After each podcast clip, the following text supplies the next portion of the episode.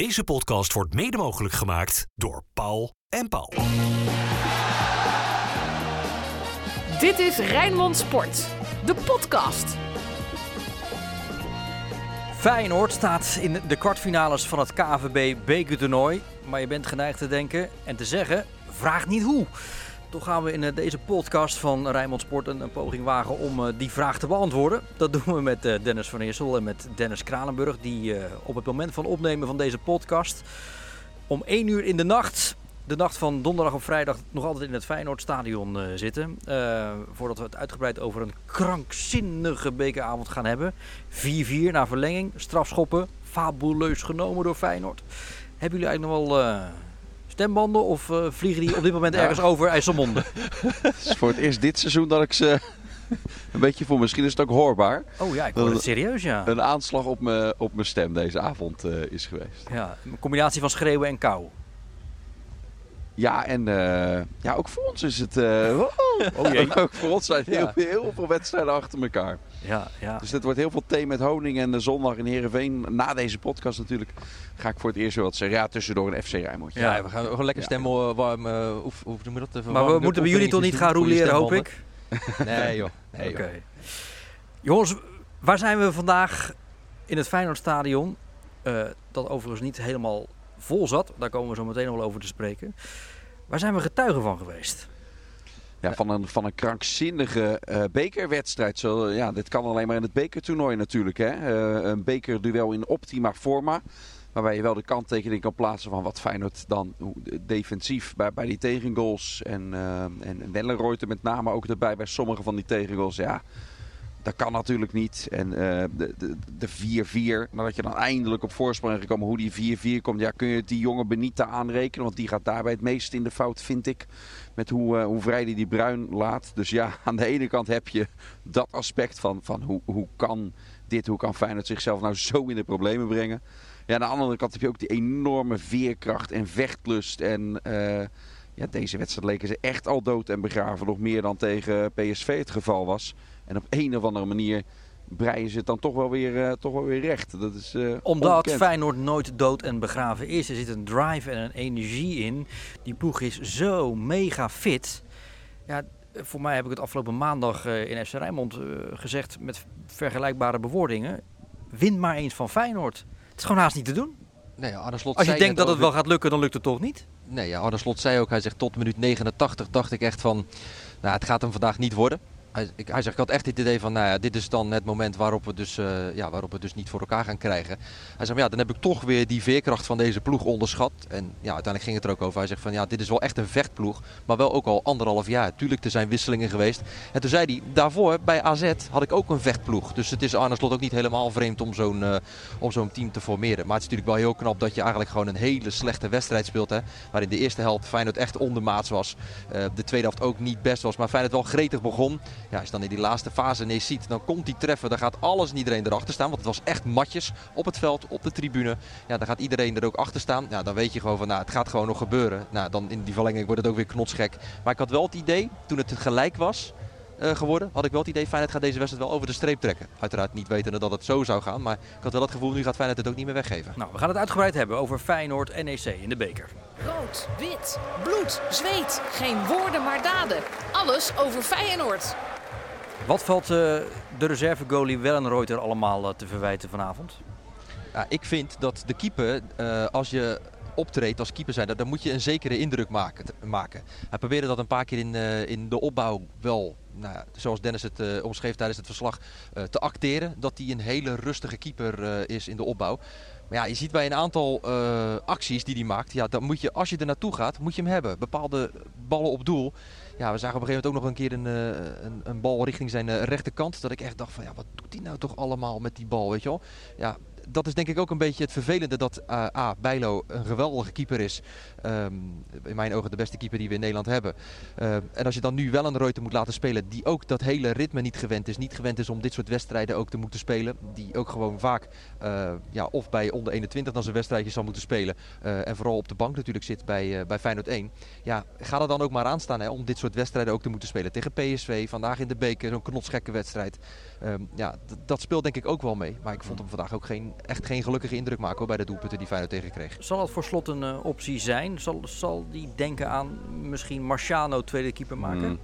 Ik kan het me niet voorstellen, want nee. uh, ja, dan ben je wel een Reuter ben je eigenlijk daarna, daarna kwijt hè, als je dat doet. Daar kun je haast niet meer van terug. Nee, maar hij ja. pakt op dit moment geen ballen voor je die je uh, misschien nee. punten gaan opleveren. Nou, Iedere kans is een goal. Nee, maar ja, ja met één penalty, de, ja, een belangrijke. Maar met, de, maar met de door jou voorgestelde wissel, weten we van vorig seizoen. Nee, ik stel uh, hem niet voor. Niet... Ik, vraag me af of Slot er aan denkt. Nee, nee, ik denk het niet. Maar, maar stel hij doet dat. Uh, weet, weet je nou zeker dat je met Marciano eventueel dat dan wel hebt? Maar dat is natuurlijk ook niet het geval, weten we van vorig seizoen. Dus ja, Feyenoord doet gewoon een jas uit als Bijlo er niet, uh, niet is. Uh, dat weet je. Um, en, en vandaag wel een Reuter.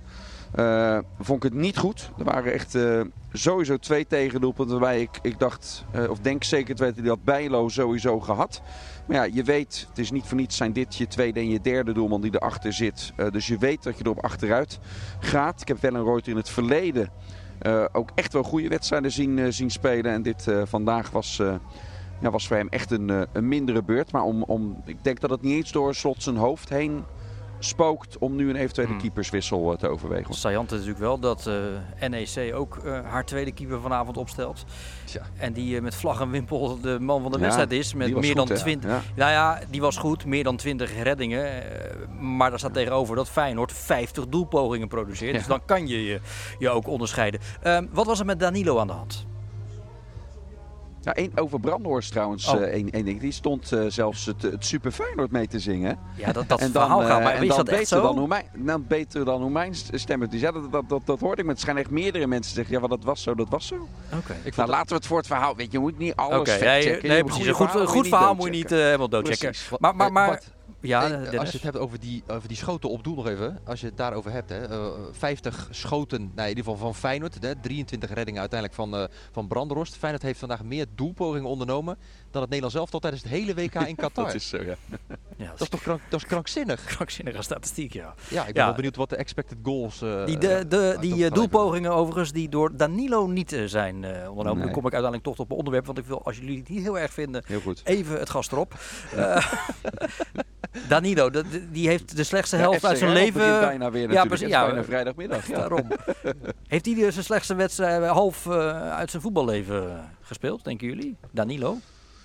Ja, die kwam echt niet in het stuk voor. Hè. Die hebben we eigenlijk echt totaal niet, uh, niet gezien. Um, en ook in het afjagen waar hij vaak belangrijk in was, uh, was dat er vandaag niet. Ja, misschien is dit een oud kwaaltje wat er één keer eerder is geweest. Dat hij uh, er toch ook niet helemaal, helemaal zin in had. Hè. Daar is hij één keertje op aangesproken. Maar hij stond nu wel in de basis. Maar het is al min of meer aangekondigd dat zondag Jiménez weer gaat starten. Dat heeft Slot zelfs al voor de wedstrijd aan die beide spitsen laten weten. Dus misschien speelt dat ook mee.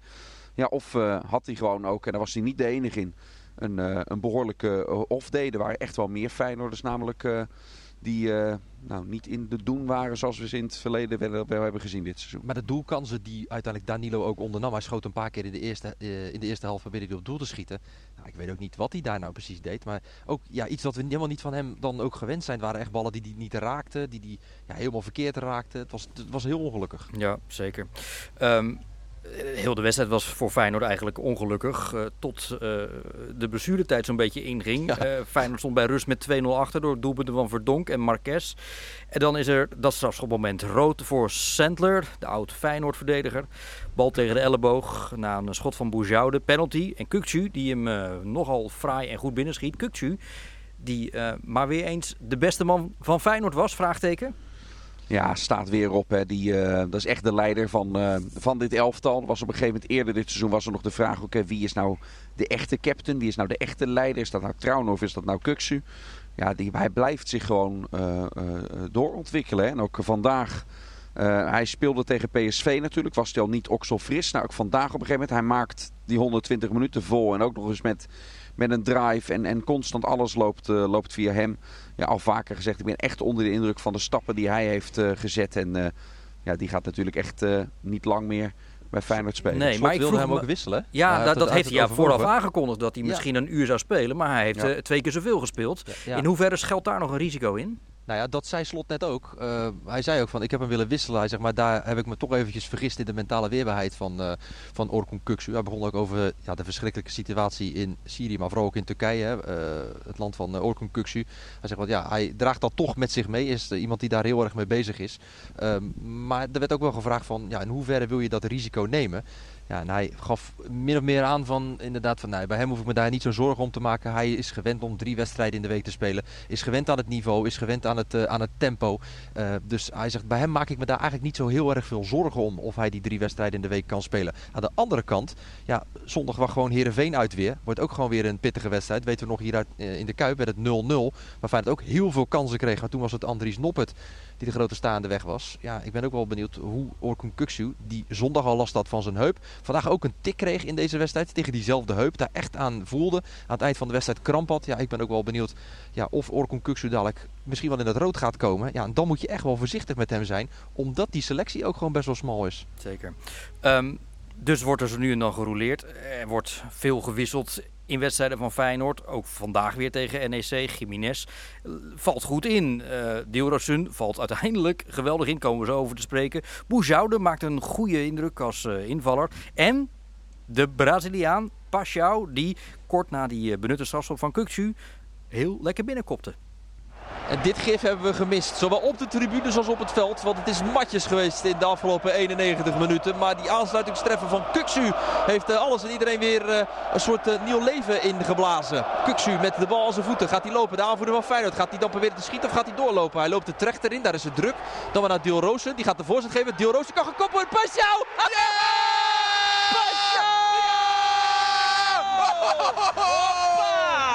Twee minuten!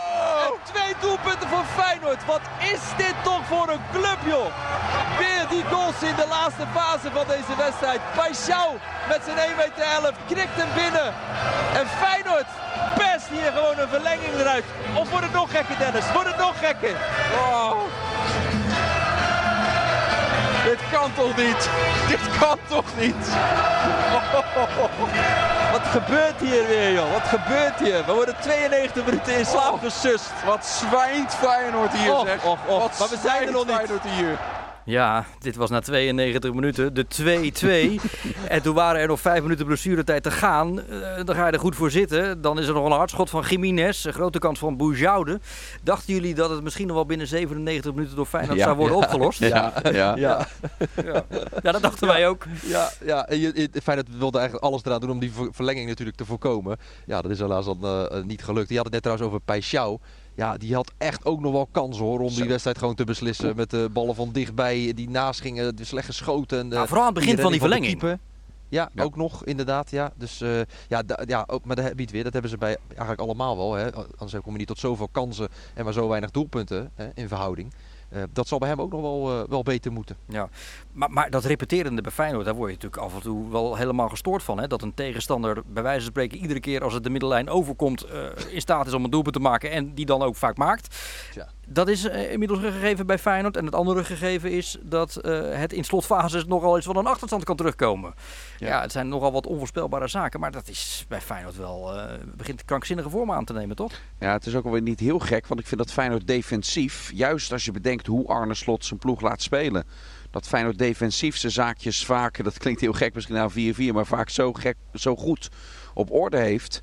Ja, de keren dat Feyenoord dan echt een kans weggeeft, dan zijn het vaak ook meteen echt grote kansen. Want heel vaak komt het vaak al uh, zover uh, niet. Dus dat maakt het ook wel weer logisch uh, dat die kansen bij de tegenstander dan vaak ook meteen doelpunten opleveren. Ja, en als het Feyenoord lukt om zelf, een, het hoeft maar een iets hoger rendement zelfs te halen uit de kansen die het zelf heeft heeft het ook met kwaliteit te maken in de voorhoede en het type spelers waar Feyenoord het dan in zoekt. Hè, en, en hoeveel waarde die spelers hebben. Ja, al lukt het maar om iets hoger uh, rendement daaruit te behalen. Ja, dan gaat Feyenoord zijn wedstrijden echt uh, eindelijk iets makkelijker winnen. Want dat, uh, dat is nog niet zo vaak gebeurd. Nee, exact. Dat is een beetje het verhaal van het uh, seizoen. Ik had het over die verlenging. Uh, Feyenoord komt dan weer achter door Jordi Bruins. de vraag was daar weer hoe Wellenreuter de boel op orde had. Niet zo, zou je geneigd te zeggen. Maar we hadden nog geen drie keer met onze ogen geknipperd. en toen kopte Jiménez alweer een bal binnen. Werd het 3-3.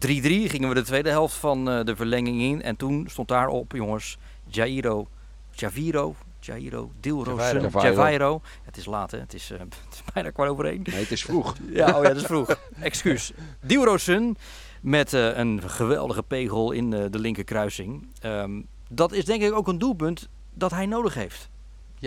Dat denk ik ook. Want je ziet in die wedstrijd tegen PSV bijvoorbeeld, eh, ja, ik noem het een beetje de blaffende hond die uiteindelijk niet bijt.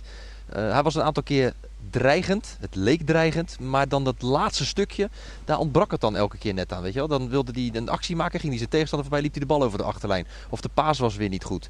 Ja, en als je dan vandaag inderdaad zo'n goal maakt, ja, ik had eigenlijk voor hem heel erg gehoopt dat het de winnende zou zijn geweest. Hè? Net zoals bijvoorbeeld uh, Jaan Baks als invallen met twee goals belangrijk was tegen PSV. Had het voor hem heel mooi geweest als invallen onder de winnende uiteindelijk eh, te maken. Met een geweldige actie door de benen van Sissoko ja, naar binnen trekken en met, de, uh, met zijn linker de bal in de kruising laten ploffen ja, is dat denk ik voor hem wel heel fijn. Want hij, hij, zocht ook gelijk wel het contact met het publiek. Want hij werd afgelopen zondag echt wel een beetje uitgefloten. En er werd ook echt geroepen om Ali Reza Jaanbaks. En hij zocht echt een beetje dat, uh, dat contact met het publiek. Zo van, ja, we hebben elkaar echt gewoon nodig. Ja. ja dus ik hoop echt dat dit wel voor hem als een bevrijding zal gaan werken. Dat Want publiek... hij heeft het wel. Ja, nee, zeker. Hij heeft het zeker. Hij heeft het in het begin van dit voetbaljaar ook uh, vrij regelmatig laten zien. Over dat publiek, hè. Uh, om en nabij 20.000 toeschouwers vanavond in het Feyenoordstadion. Dat, dat zegt men heeft te maken met de nogal hoge toegangsprijzen. Um, hoe heeft Feyenoord dat ze allemaal kunnen laten gebeuren? Ja, ik heb, uh, na afloop had ik wat, uh, vroeg ik aan Arne Slot ook inderdaad van... Uh, ja, er was vooraf wat kritiek over die hoge toegangsprijzen, maar mensen kregen wel waar voor hun geld. Nou, daar had Arne Slot uiteindelijk ook gewoon weer een, weer een goed ja, antwoord op. Een euro per zei, doelpoging. Ja, euro per doelpoging. Maar hij zei ook, hij zegt, ja, hij zegt, ik wil, mensen zeggen altijd, ik wil me overal mee bemoeien. Hij zegt, maar ja, ik had me hier ook heel graag wel mee willen bemoeien. Hij zegt, want ik had heel graag gezien dat er gewoon veel meer mensen in het stadion hadden gezeten. Hij zegt, ik hoorde in het begin verhalen over 10.000 supporters die maar hier naartoe zouden komen. Hij zegt, ja, terwijl we hebben het publiek gewoon heel hard nodig om met elkaar ervoor te zorgen dat we tot een resultaat kunnen komen. Ja. Hij zegt, toen ik binnenkwam zag ik uiteindelijk wel dat er wel meer mensen waren dan ja, 10.000. Hij zegt, dat was echt een beetje mijn angst. Hij zegt, maar ja, hoe voller het stadion zit, hoe beter we uiteindelijk ook daarvoor de dag komen. Dat zag je tegen PSV. Nou, je ziet nu in de slotfase dat het stadion dan ook uh, uh, ontploft en er weer achter gaat staan. Ja, ja. dat is dan toch jammer dat het stadion dan toch niet vol zit. Ik vind het heel jammer dat uh, seizoenkaarthouders uh, niet gewoon in de gelegenheid worden gesteld om uh, zo'n wedstrijd als vanavond om 9 uur s'avonds ook nog eens ja. gewoon gratis te kunnen bijwonen. Maar goed, dat zeg ik even eh, geheel particulier. We, we, waren gebleven bij de 4-3 van Deelroosen. toen hadden we niet twee keer met onze ogen geknipperd, maar vier keer. En stond het 4-4 door Jordi Bruin. helemaal op vrij ook weer. En dus moesten we toen ons gaan opmaken voor de strafschoppen. Strafschoppen die Feyenoord geweldig nam. Ik heb het gevoel dat Wellenreuter deze strafschop gaat stoppen. De bal is neergelegd. Bronkhorst neemt zijn aanloop. En hij staat oog in oog met Wellenreuter en hij ja! pakt hem! ja, ja, ja, ja, ja! Timon Wellenreuter naar zijn rechterhoek. En hij houdt hem tegen, die strafschop van Ilias Bronkhorst. En als Paixão scoort, gaat Feyenoord door naar de kwartfinale. Vraag niet hoe, maar dan gaat Feyenoord door naar de kwartfinale. Het fluitje heeft geklonken. Flinke aanloop. Paixão! Yes, Feyenoord yes, yes. gaat door in de beker. Na een krankzinnige avond stuurt Paixão de keeper de verkeerde hoek in. Van het zijn oogpunt bezien dan. Feyenoord is feilloos vanaf 11 meter. Vijf fantastische strafschoppen. Die keeper die een wereldpot keepte had geen kans. En Feyenoord, wat een opluchting. Wat zwijnt Feyenoord deze avond. Maar Feyenoord maakt nog steeds kans op uh, drie prijzen in dit seizoen. Ook dus op die beker. Ja, dat hadden we toch eigenlijk niet gedacht na 90 minuten voetbal vanavond. Uh, Dennis Kranenburg, hoe laat gaan vanavond uh, de casino's dicht? Oeh, dat weet ik eigenlijk niet. Nou. Nou, we moeten, even moeten kijken. Misschien kunnen we nog even wat inzetten. Nou jij, want uh, je hebt nogal een voorspellende gave. Jij voorspelt dat uh, Wellenreuter die uh, strafschop van Bronkhorst van NEC gaat pakken. En je hebt het nog niet uitgesproken of hij doet het. Ja, en ik zou Ja, je nog maar- sterker vertellen. Ik Wat heb, wil je dan? Hij heet Bronkhorst of, of jij heet geen Bronkhorst. Ja. Dan heb je, draag je Feyenoord toch een warm hart toe. dat is ook eh, zeker zo. Ja, nee, ik, heb, eh, ik heb aan dit begin van eh, nou ja, de- een aantal eh, maanden geleden tegen Dennis van Eersel gezegd. Feyenoord gaat dit jaar en de titel eh, pakken en ook de beker winnen. Nou ja, ik had heel lang het idee van nou we moeten er eentje van af gaan strepen. Nee, ik, ik hou het gewoon vol. De titel Zo laf en de ingezet beker. dit, hè, met die Europa League die er ook nog... eh, Ja, die doen maar we dan daar weer heb ik niet. iets, iets minder vertrouwen eh, in. Maar maar goed, twee prijzen in één seizoen, dus toch lekker. Ja, en dan eh, de volgende ronde in de kwartfinales tegen Spakenburg. Ja, wie zal het zeggen? Ik kreeg al een mailtje van iemand die zei van... Eh, ik ben fan van allebei de clubs, eh, kan ik dan naast jullie komen zitten? Dat lijkt me hartstikke leuk. Het wordt ja. te druk zat, dus voor mij eh, mag het uh, Ja, Feyenoord Spakenburg. Feyenoord ja. maar Dat, dat ja, weten we het pas, iets eh, makkelijker gaat, hoop ik dan vanavond. Zaterdagavond eh, zullen we dat eh, weten. Als er geloot Ja. gaat worden, dat gebeurt allemaal in de studio van eh Maar ESPN. het zal wel Feyenoord Twente worden. Ja. Oh, jij denkt dat Twente van Ajax wint. eh, Vanavond moet ik overigens eh, zeggen. Even kijken hoe scherp jullie nog zijn. Ja, maar reuze scherp als een mes, jongen. Je maakt ons niet gek. Ehm, nog even toch benadrukken dat die eh, vijf strafschoppen van Feyenoord... Kuksu, Jiménez, Hansko, Idrissi en Pashao... echt eh, werkelijk fantastisch werden genomen. ja, en ja. eh, dat daar dus misschien ook wel aandacht voor is geweest op de training, in de voorbereiding. Je weet het niet. Eh Feyenoord staat in ieder geval in de kwartfinales. En gaat nu op naar eh, de volgende wedstrijd. Die zal zijn komende zondag tegen Heerenveen. Je bent benieuwd eh, wat er wordt meegenomen aan, uit zo'n avond als vanavond. Waarin Feyenoord wel heel diep heeft moeten gaan. Maar natuurlijk wel een partij moraal en energie misschien ook wel weer opbouwt voor de rest van de competitie.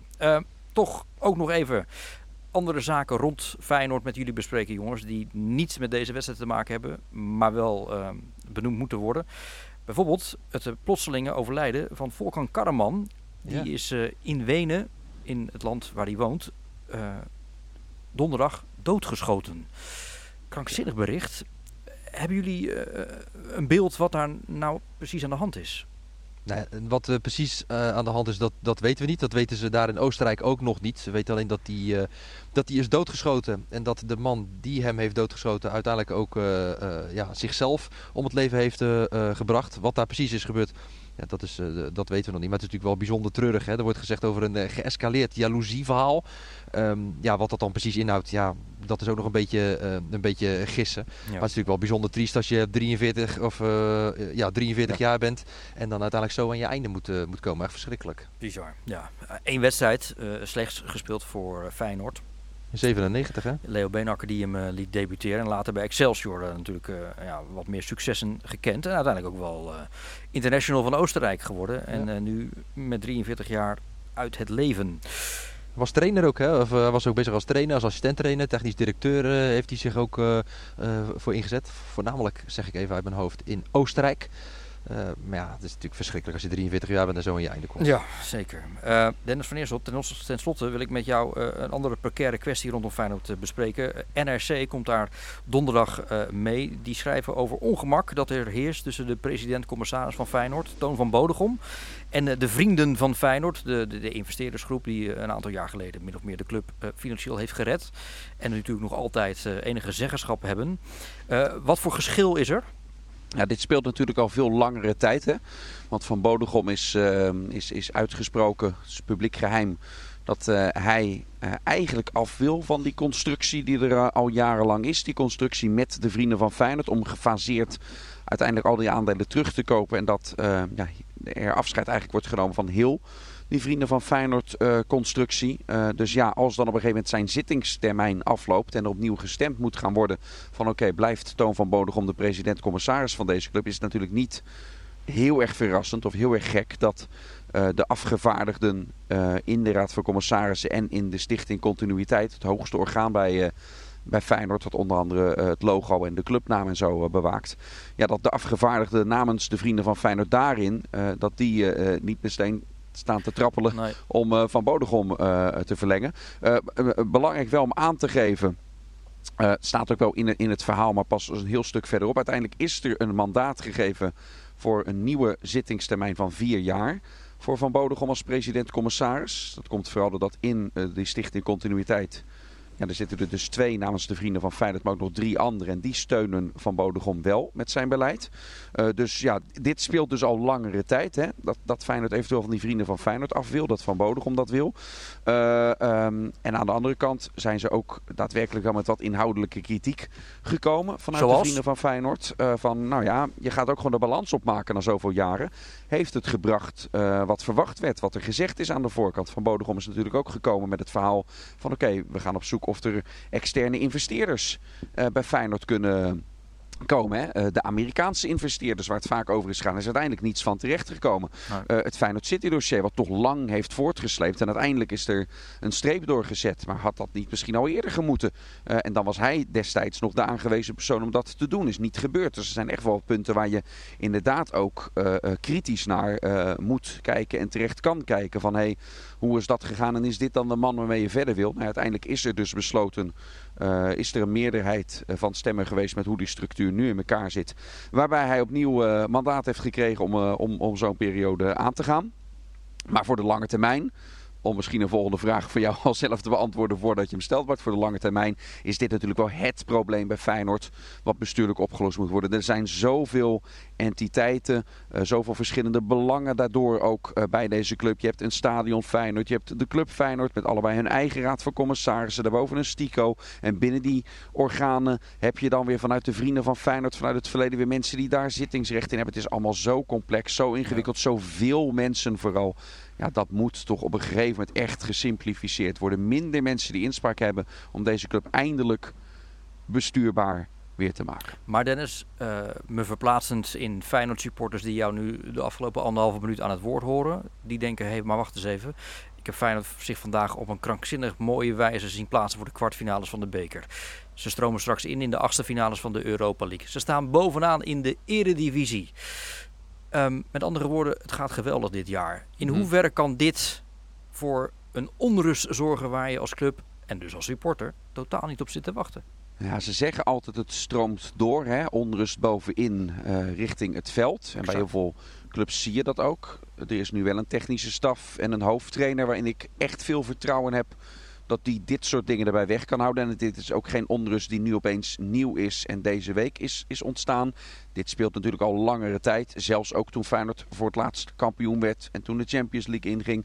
Toen waren deze situaties er ook al. Dit loopt dus echt al heel veel jaren. En ja, dit moet een keer opgelost worden. Alleen we kennen ook de financiële situatie. Feyenoord heeft niet de mogelijkheden om in één keer de vrienden van Feyenoord uit te kopen. Feyenoord heeft niet de mogelijkheden om stadion Feyenoord in één klap over te nemen. Met alle financiële consequenties van dien. Ook al zou dat voor de lange termijn misschien het beste zijn. Dus ja, dit blijft. En uh, dat is niet leuk. Want het is niet het beste voor de club. Maar dit blijft een proces van de lange adem. Duidelijk en helder. Um, ik heb nog één uh, agendapunt uh, met jullie uh, af te vinken. De Feyenoorder van de week. Ja, dat is uh, keuze, keuzestress denk ik. Ja, oh ja, is het zo makkelijk? Kuksu, ja, hoor. ja.